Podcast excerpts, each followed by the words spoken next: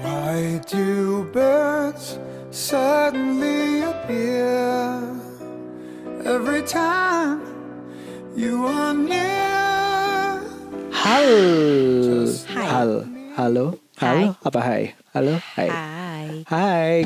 Apa Halo. kabar Ibu? Baik, apa kabar Bapak? Apa kabar teman-teman? Jadi kalau aku sih baik ya. Overall ya getting better and better. Um, mulai menikmati kerja di rumah. Apa sih kan udah berapa bulan kerja di rumah kok mulai menikmati kerja di rumah? Ya lima bulan aku berpikir bisa untuk selamanya ini Bu. Oh ya, oke. Bayangkan aku harus di rumah selamanya. Kita butuh ruangan kerja yang lebih besar. Betul. Selamat datang di Curhat Babu, curhatnya Bapak dan Ibu. Sesuai dengan story aku beberapa hari lalu aku bertanya siapa aja yang pernah mengalami yang namanya daddy issues terus ada beberapa yang jawab dan ada beberapa yang email juga. Dan sebenarnya pertanyaan itu triggernya adalah bahwa beberapa hari terakhir ini kita berdua lagi intens ngomongin soal childhood memories, childhood wound, terus inner child gitu. Dan mungkin kalau teman-teman masih bingung inner child itu apa, kayaknya aku udah sempat ngebahas, kita udah sempat ngebahas ya dengan Cari- dengan cari episode episode, yang nah. sama Alima narasumbernya. Alaima Sharuna itu ada di Aku lupa sih episode cari aja berapa. covernya covernya foto dia kok beda lah. Iya. Dan di Parent Talk juga kemarin aku baru bikin uh, podcast Mm-hmm. soal inner child juga kayaknya baru akan keluar minggu ini. Gitu. Jadi Nah. ini saling bersangkutan. Iya, itu jadi mengingatkan aku juga akan film. Iya. Ada film yang nggak- sebenarnya gue nggak ngalamin ini, tapi gue bisa ngerasain banget. Oh ya gitu pertama kali mungkin karena eh, hubungannya fathers and daughters. Jadi nama Iya. filmnya itu Fathers and Daughters dimainin oleh Russell Crowe sama Amanda Seyfried. Dan film ini tuh tahun 2015. Oh kamu udah nyari ya tahu Eh, berapa? enggak ada tulisannya aja kemarin di filmnya tulisan ini film 2015 ya pokoknya udah lama udah lumayan lima tahun lalu lah Udah lama dan kita mulai kemarin nonton lagi kebetulan ada. Iya. Terus kita tonton and nangis lagi. nangis Ya aduh Allah. sedih banget Ha-ha. gitu Karena lumayan ngerasa ya lebih lagi setelah punya dua anak perempuan sih. Betul dan terlebih lagi sih mungkin eh, gue sendiri punya childhood wound yang ya itulah yang ternyata baru menyadari oh terluka ya selama ini kok gue nggak tahu ya karena mungkin abai dengan perasaan-perasaan di masa lalu itu. Jadi daddy issues tuh apa Gitu. sih? Jadi ini ini kalau sepemahaman aku ya, daddy Ah. issues itu adalah eh, apa ya? trauma atau perasaan yang muncul atau yang terbawa atau isu-isu yang terbawa ketika mm, eh, apa hubungan ketika berhubungan dengan laki-laki Hmm. di kehidupan saat ini gitu. Mhm. Tapi itu adalah refleksi dari hubungan kita dengan eh, bapak kita di masa kecil. Iya, jadi kenapa Nuja juga uh, raise an interesting question kamu waktu itu lagi ketemu Burani ditanya sama Burani, ditanya ke Burani. Nah, Buran ini marriage counselor ya. Uh, dia bilang bahwa kenapa yang dikenal dari isu saja sih nggak ada Mommy issue. mommy issue gitu.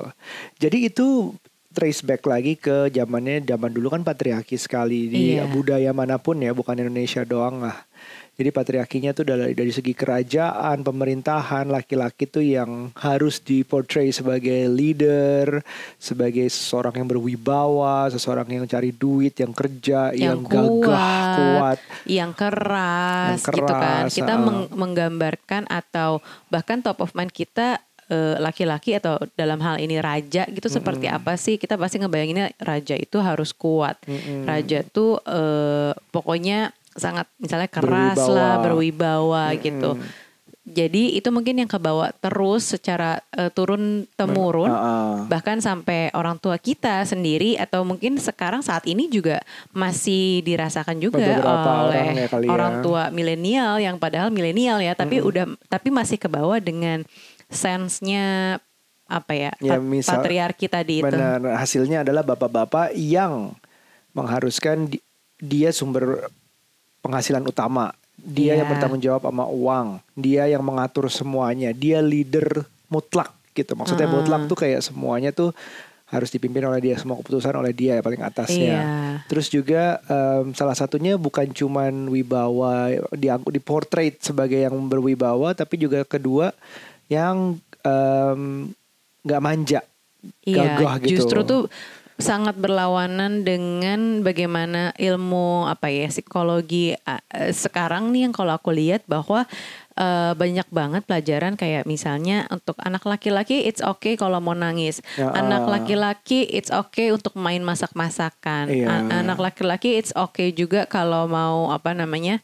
Eh ya nangis, mau apa namanya? ya gelendotan atau Iya. apa tuh it's okay banget Tapi gitu kan. dulu kan Dulu ada, ada kok, boleh. kok laki-laki warnanya pink sih? Kok laki-laki eh, biasanya kalau yang senior-senior kita beberapa juga suka ada yang bilang, "Kan jangan main masak-masakan dong laki-laki. Jangan main boneka, jangan ini, Laki-laki jangan kok itu." nangis, gitu. Laki-laki gitu-gitu kok kan. nangis. Nah, itu yang paling itu. Bukan dari kecil udah dibilang laki-laki kok nangis, akibatnya bukan cuma nangis yang dia tutup. Kebanyakan laki-laki juga banyak yang bukan kebanyakan ya, banyak laki-laki yang juga nggak menunjukkan perasaannya sama sekali. sama sekali gitu. sehingga merasa kuat dan jadinya kurang affection gitu. Ah, ah, kurang affectionate. Eh, ah. kurang affection sama pasangannya Betul. begitu besar, terus kurang affectionate juga sama anak-anaknya. anak-anaknya. Nah, itulah gitu. lahir daddy issue salah satunya alasannya seperti itu. Jadi laki-laki yang kayak sebenarnya mungkin or- misalnya angkatan orang tua kita gitu sayang sama anak-anaknya. Tapi laki-laki ini yang karena portraitnya begitu bahwa cari duit aja, nggak usah ngurus anak, nggak usah nunjukin perasaan, jangan nangis, jangan apa, Berwibawa dan berwibawa, bla, nggak anaknya nggak tahu bahwa dia tuh sayang.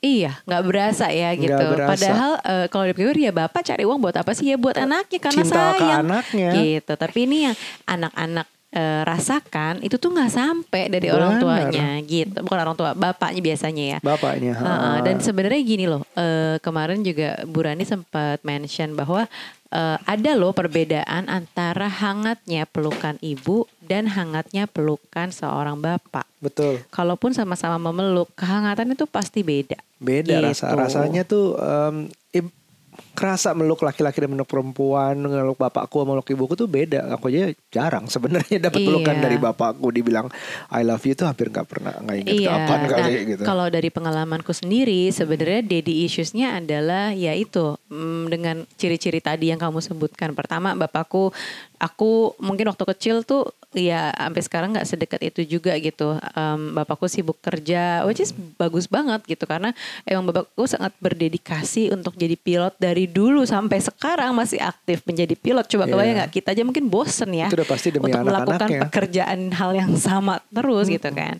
Nah, bapakku tuh melakukan hal itu udah dari dulu gitu, dari muda. Nah, itu tuh ya tapi karena saking sering terbang dan kita jadi kurang berinteraksi gitu Iya. kan. Terus kedua, mungkin faktor mamaku juga jadinya takut sama papaku karena mungkin mamaku termasuk inferior eh, Iya. pada saat itu nggak eh, nggak menghasilkan uang, nggak boleh kerja sama papaku, cuman bolehnya ngurus anak gitu. Bener-bener kayak nggak boleh kerja, kamu ngurus anak di rumah gitu. Jadi mamaku merasa inferior, papaku yang lebih superior. Ya akhirnya kita tuh cuman pergi keluar rumah kalau papaku nggak terbang, eh ya nggak terbang Iya. kayak gitu doang. Terus sehingga eh, hubungan kita sebagai aku sebagai anak dengan papaku kita tuh nggak men- menunjukkan affection gitu. Iya, aku nggak pernah loh 8 tahun merit sama kamu, kamu meluk bapakmu di depanku itu iya, nggak ada. ada tuh aku kayak karena kit- itu tuh bukan uh, body language-nya juga beda Body gitu. Mungkin beda. uh, love language-nya juga beda. Aku juga nggak ngerti sih. Cuman kita nggak punya tradisi untuk memeluk, kita nggak Hmm. punya tradisi untuk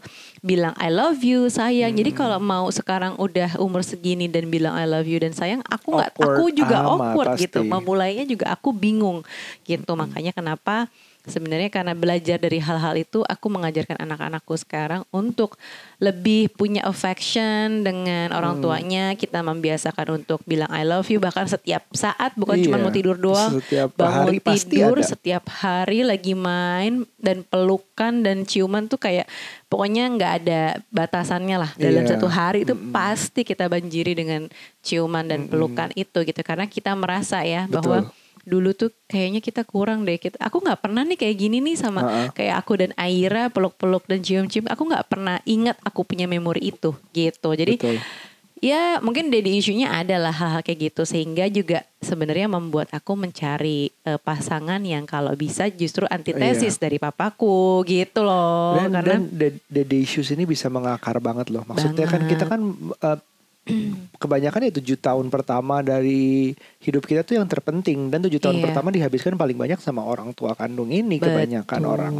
Jadi dilihatnya apa yang terjadi. Jadi issues tuh bukan cuman kayak perlakuan affectionate bapak ke anaknya, tapi juga jangan lupa bapak ke ibunya. Maksudnya ke istrinya sendiri. Iya, ngelihat gitu kan. Ngeliat gitu kalau kehangatannya gimana. nggak pernah ada kehangatan bapak sama ibunya di depan anak-anaknya ya mungkin bukan juga yang berlebihan Bukan, ciuman atau uh-uh. apa Tapi aneh-aneh juga gitu. jangan sampai jaim juga sih jangan gitu ya. jaim ha-ha. ya pegangan tangan peluk eh, ngelendot gitu-gitu depan anaknya bareng-bareng sama anak-anaknya sama istri dan Uh-uh. anaknya dan itu yang kalau nggak pernah ditunjukin dari sekarang ya dari isu lari ke anak perempuan atau anak laki-lakinya kelihatan Iya, orang tua gue nggak tuh nggak pernah ngapa-ngapain Jadi gitu. kaku gitu rasanya ya. jadi kaku jadi nggak pernah bisa eh, mungkin dipeluk kayak misalnya Nucha ya yang nggak pernah dipeluk sama bapaknya. Terus yang di- yang gue peluk di awal mungkin cuman kayak ya oh, oke peluk balik biasa gitu. Kayak nggak nggak nggak menunjukkan beda nggak gitu. menunjukkan affection beneran gitu ya. Heeh, Karena aku nggak kebiasa untuk kayak gitu gitu, Bab. Mm, dan itu itu eh, kita kita juga jadinya ngerasa banyak banget cerita-cerita yang datang ke sini sih ya. Jadi maksudnya apalagi ini ada beberapa email yang wah kalau misalnya ini tadi ngomongin bapak nggak affectionate sama ibunya, anak nggak pernah lihat. Lebih parah lagi kalau bapak sama ibunya ada masalah. Iya. Jadi jadi ini salah satu contoh di sini Mm-mm. eh, ada email yang kirim Masuk, mm-mm. dia nggak dia ceritanya panjang banget ya maaf nggak bisa dibacain semuanya Mm-mm. judulnya aja Daddy Issue and Consideration to Divorce waduh oke tapi di bagian Daddy Issue-nya itu aku ngerasa eh, dia cerita bahwa bapak mamanya bercerai memorinya udah waktu itu cerainya umur 1-2 tahun jadi baru dua tahun awal udah ngerasa sama bapaknya Eh, yang aku tahu cuma dari mama yang suka bilang bahwa waktu ini suka pulang malam dan abusive. Nah, itu kan perlakuan bahkan dua tahun pertama mungkin dilihat sama anaknya sedikit, tapi sisanya adalah cuma cerita dari satu pihak dari ibunya tentang bapaknya tuh seperti apa. Itu di feed terus ya Mm-mm. gak bisa salahin ibunya 100% juga karena dia juga menderita dan pengen cerita gitu dan dia nggak tahu mungkin mau cerita ke siapa lagi terus em, dia cerita nih eh, lalu mama juga suka cerita betapa tidak terlibatnya papa dalam mengasuhku. Misalnya aku yang masih bayi nangis dan papa enak-enak nonton TV cuek. Sementara mama yang lagi masak sampai harus tergopoh-gopoh naik tangga untuk men- pokoknya dia cerita kayak gitu panjang. Terus dewasa dia nyi- niat cari justru cari pria karena memorinya masuk terus nih kayaknya nih ya. Karena memorinya masuk terus bapaknya abusive entah itu dari dia lihat sendiri atau dimasukkan dari ibunya dia kepikirannya kriteria utama cari suami adalah yang nggak abusive Hmm. Saking terlalu mencarinya itu malah luput, malah dapatnya katanya yang pasif super, verbal dan physical abusive sih nggak pernah. Tapi aku jadi emotionally neglected. Jadi mungkin dia nggak suaminya nggak nggak abusive, tapi diem. Ah. Nah lo gimana Ya, tuh? ya, ya. Aku bisa, I can feel it sih. Maksudnya I can feel you too gitu. Jadi kalau Untuk misalnya dia gitu. pulang kantor malam suaminya udah ada perasaan insecure aja padahal suami belum ngapa-ngapain. Hmm. Belum tentu ngapa-ngapain maksudnya. Iya. Jadi takut yang dialami ibunya dialami dia juga. Oke. Pasti nggak terjadi di dia doang nih. Eh, Tering, terus sering kali dia berdebat pulang malam padahal nggak ke mana-mana. em, terus sampai ini sampai kata dia cerita, padahal bukan main ke mana-mana, cuman lembur. Tapi kok dia nggak bisa pinteran dikit biar nggak usah lembur dia. sampai sampai nggak masuk akal kan debatnya kan. Jadi berharap suaminya, lo kerja yang bener dong, nggak usah lembur gitu. Kayaknya, kayaknya eh, itu agak over the top sih. Cuman aku ngerti jang, banget berangkatnya dia juga dari mana gitu. Nah terus em, banjang banget sampai dia merasa ya emotionless kayaknya sama suaminya gitu. Bu- bukan emotionless Apa ya. namanya? Apa ya? Flat Senseless gitu flat. ya. Ah, ah, ah. Ah, Jadi ah, kayak apa nggak ya? berasa apa-apa. Kamu menurut kamu gimana kayak gini?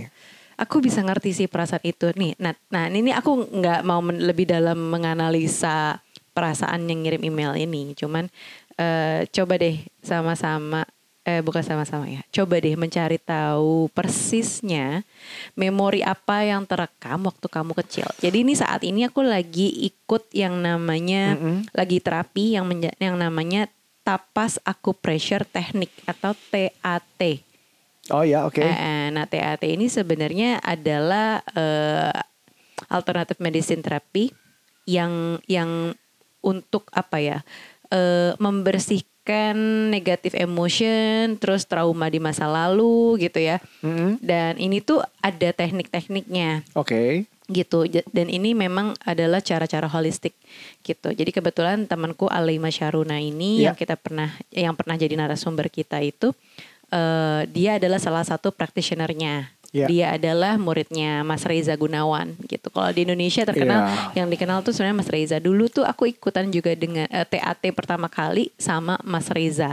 Waktu lagi mau program hamil Aira karena aku stres banget kayak nggak mendapatkan aku apa yang Iya. aku mau. Terus aku sangat perfeksionis waktu itu.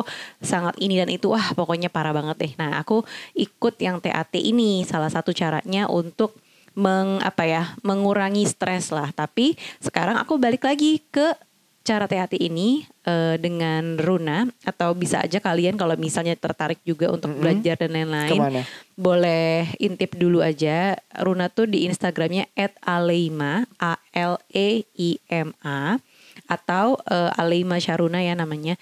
Atau dia juga dia tuh salah satu eh, practitioner di Jeda Wellness gitu. Jadi bisa eh, cari aja at jeda.wellness kalau Iya, nggak salah ya Itu di Menteng eh Ah, apa? ah. Waitashim. Iya dan mereka sekarang semua tuh prakteknya online jadi aku sekarang lagi eh, ini baru minggu kedua menjalani yang aku bilang waktu itu loh eksima eh, mungkin episode sebelumnya kalau ada yang pernah Iya, dengar ada. juga jadi ini nyambung dengan kenapa eksima tuh muncul di aku setahun terakhir padahal aku nggak pernah punya eh, alergi atau eksima apa pun baru Iya. muncul setahun terakhir yang ternyata setelah ditelusuri ini, ini aku cerita sedikit aja ya nggak usah detail karena Hmm.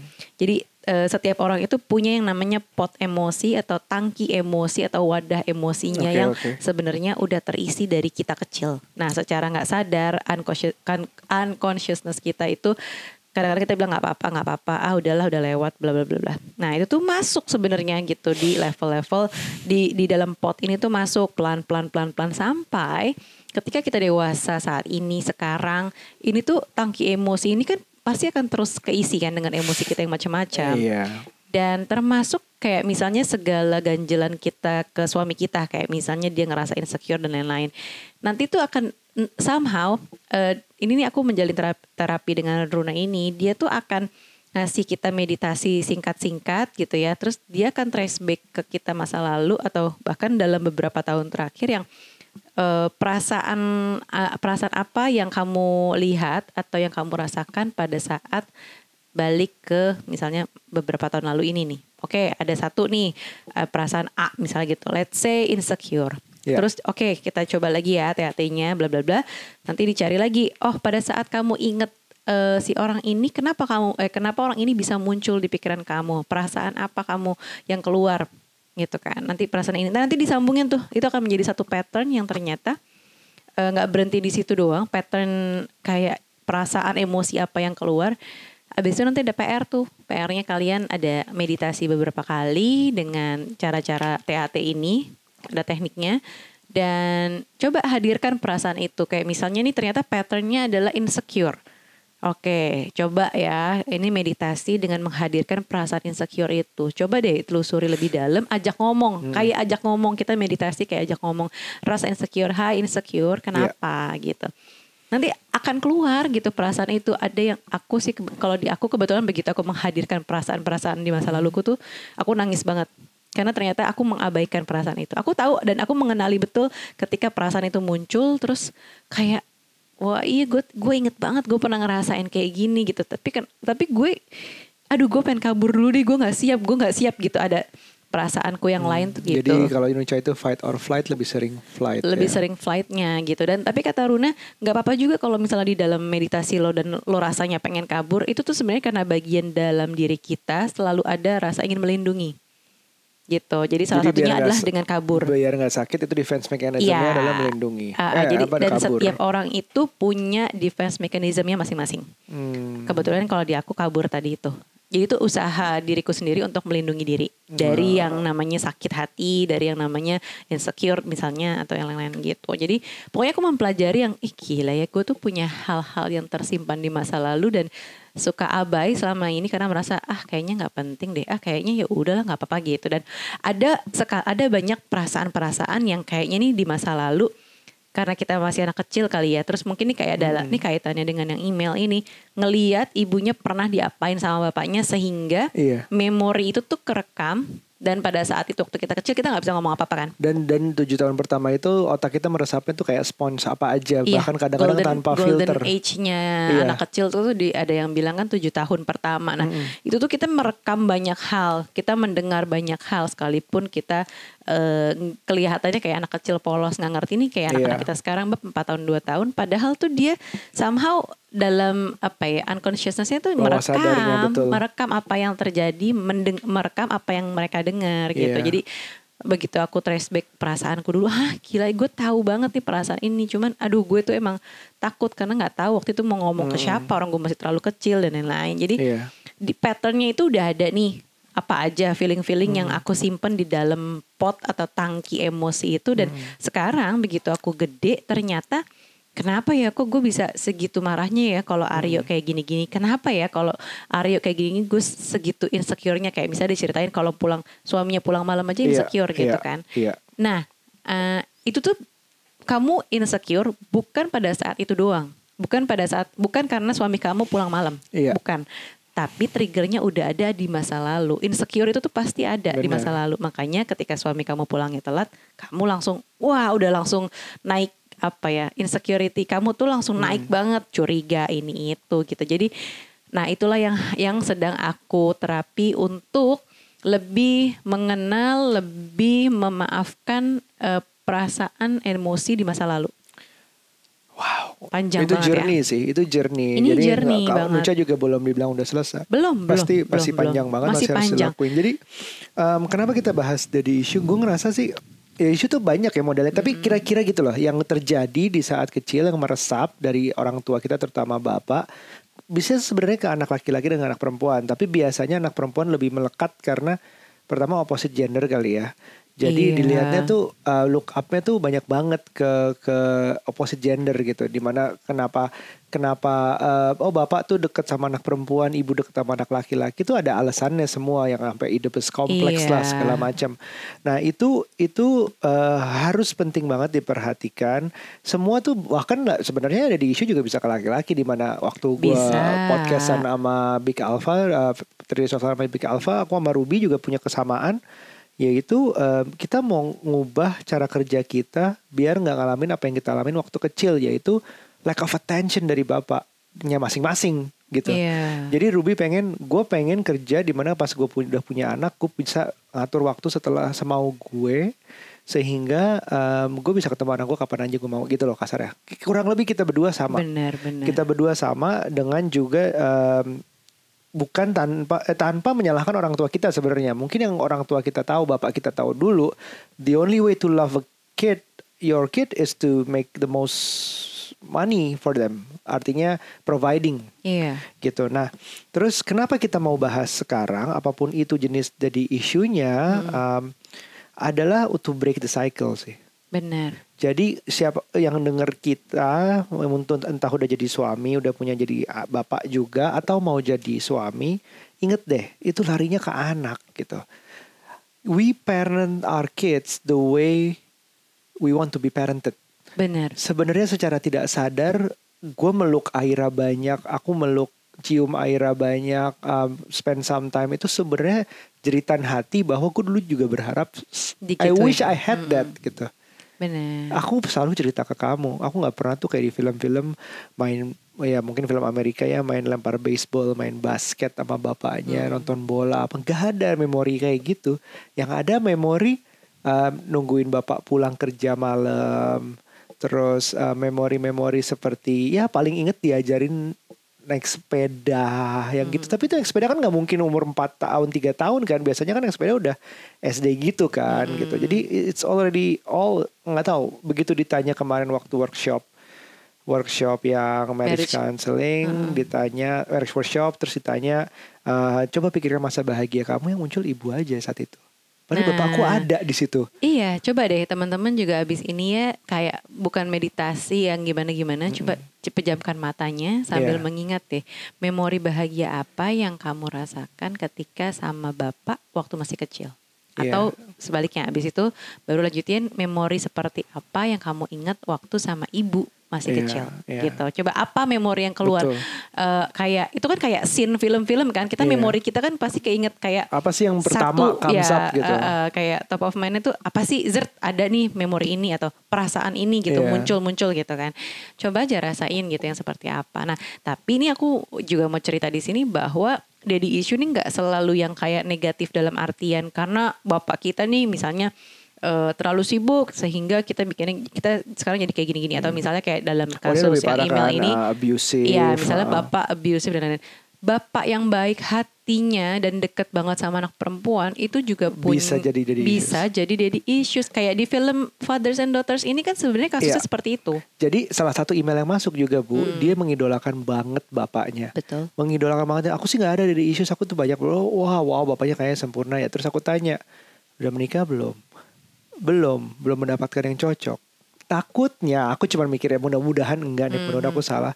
Takutnya dia mencari yang setidaknya sama sama bapaknya. Betul, itu juga namanya daddy issues. Itu Jadi daddy issues tuh belum tentu negatif gitu, tapi Ah. justru eh, up ya namanya juga daddy issues ya. Ini ini isu yang terkait aja, masalah terkait dengan bapak baik Hmm. itu menjadikan diri kita positif atau menjadikan diri kita negatif gitu. Nah, Hmm. ya daddy issues tuh salah satunya juga ceritaan yang terlalu dekat sama bapaknya sehingga kayak di Fathers and Daughters Iya. film ini adalah saking dia deket sama bapaknya karena di situ ceritanya ibunya udah meninggal karena kecelakaan ya. Jadi eh, hidupnya dia adalah di bapaknya. Bapaknya tuh segitu mengorbankan pekerjaannya, Iya. waktunya dan lain-lain Dan dia sakit. dan bapaknya pun sakit untuk anaknya, untuk bersama anaknya Iya. gitu kan, biar anaknya tuh nggak diadopsi sama keluarganya, keluarga yang lain gitu kan.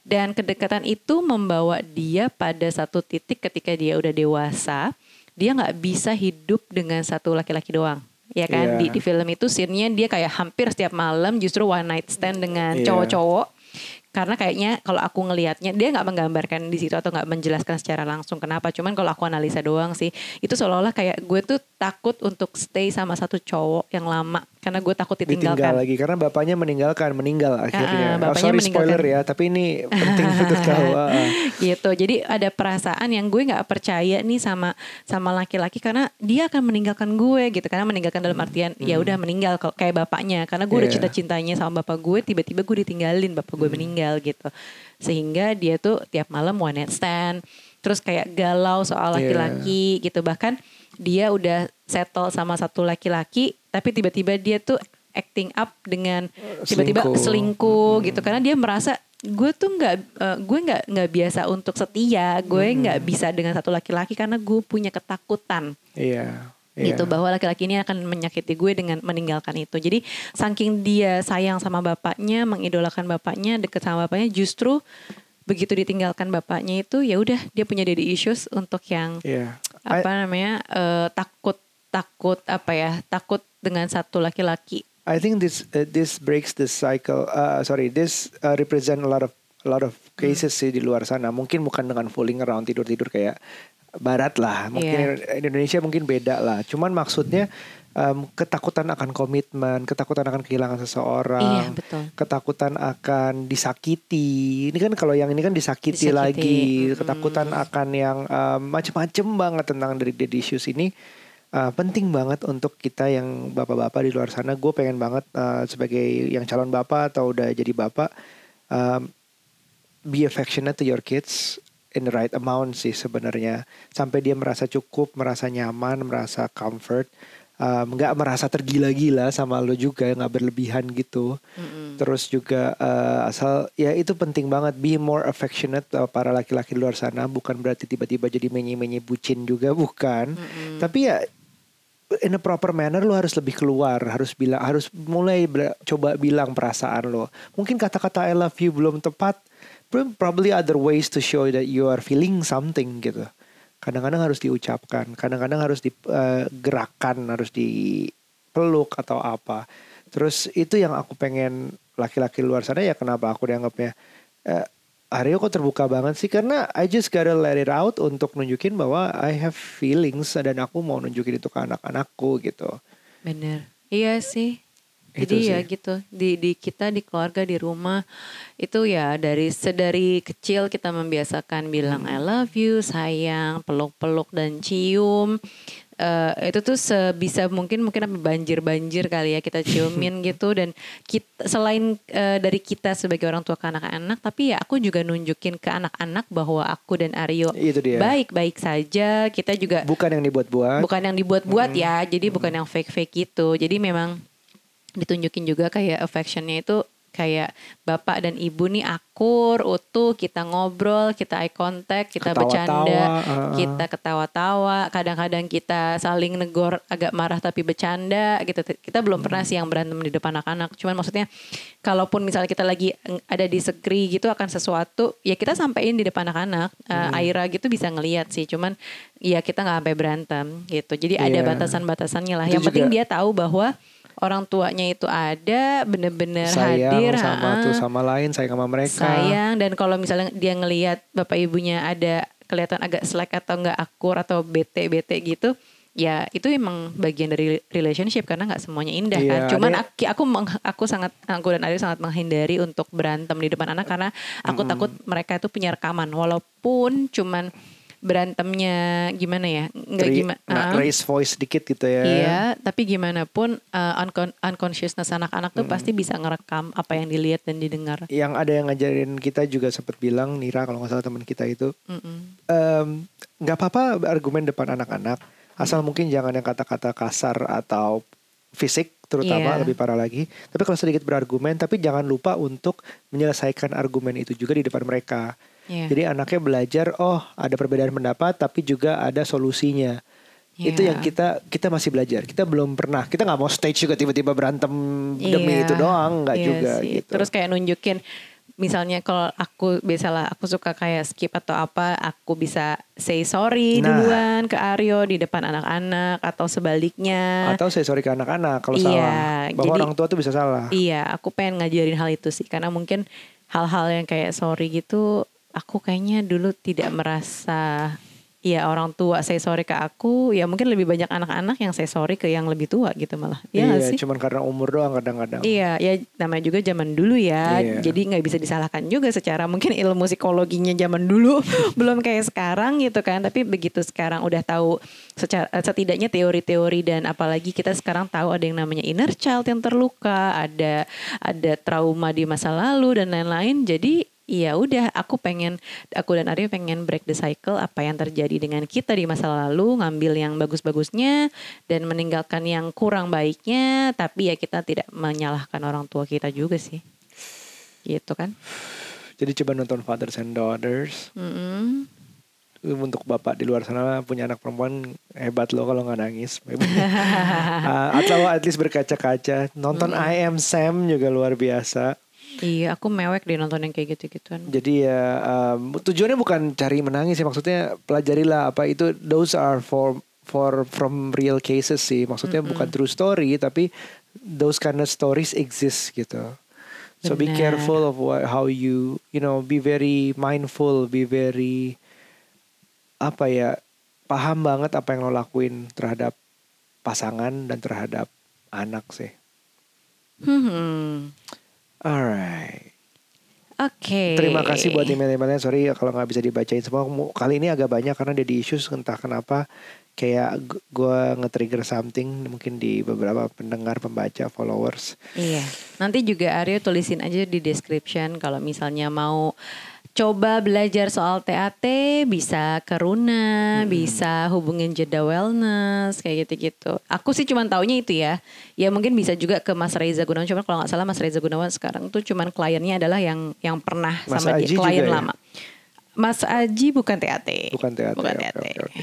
Gitu. Jadi eh, itu ada practitioner lah ya, ada certification dan segala macam. So you better check it out yourself. Kalau nggak, kalau Runa penuh atau Runa nggak sibuk, try to find the other TAT practitioner. I think it helps. So far it's helping Ru, eh, Nuca sih. Iya, benar.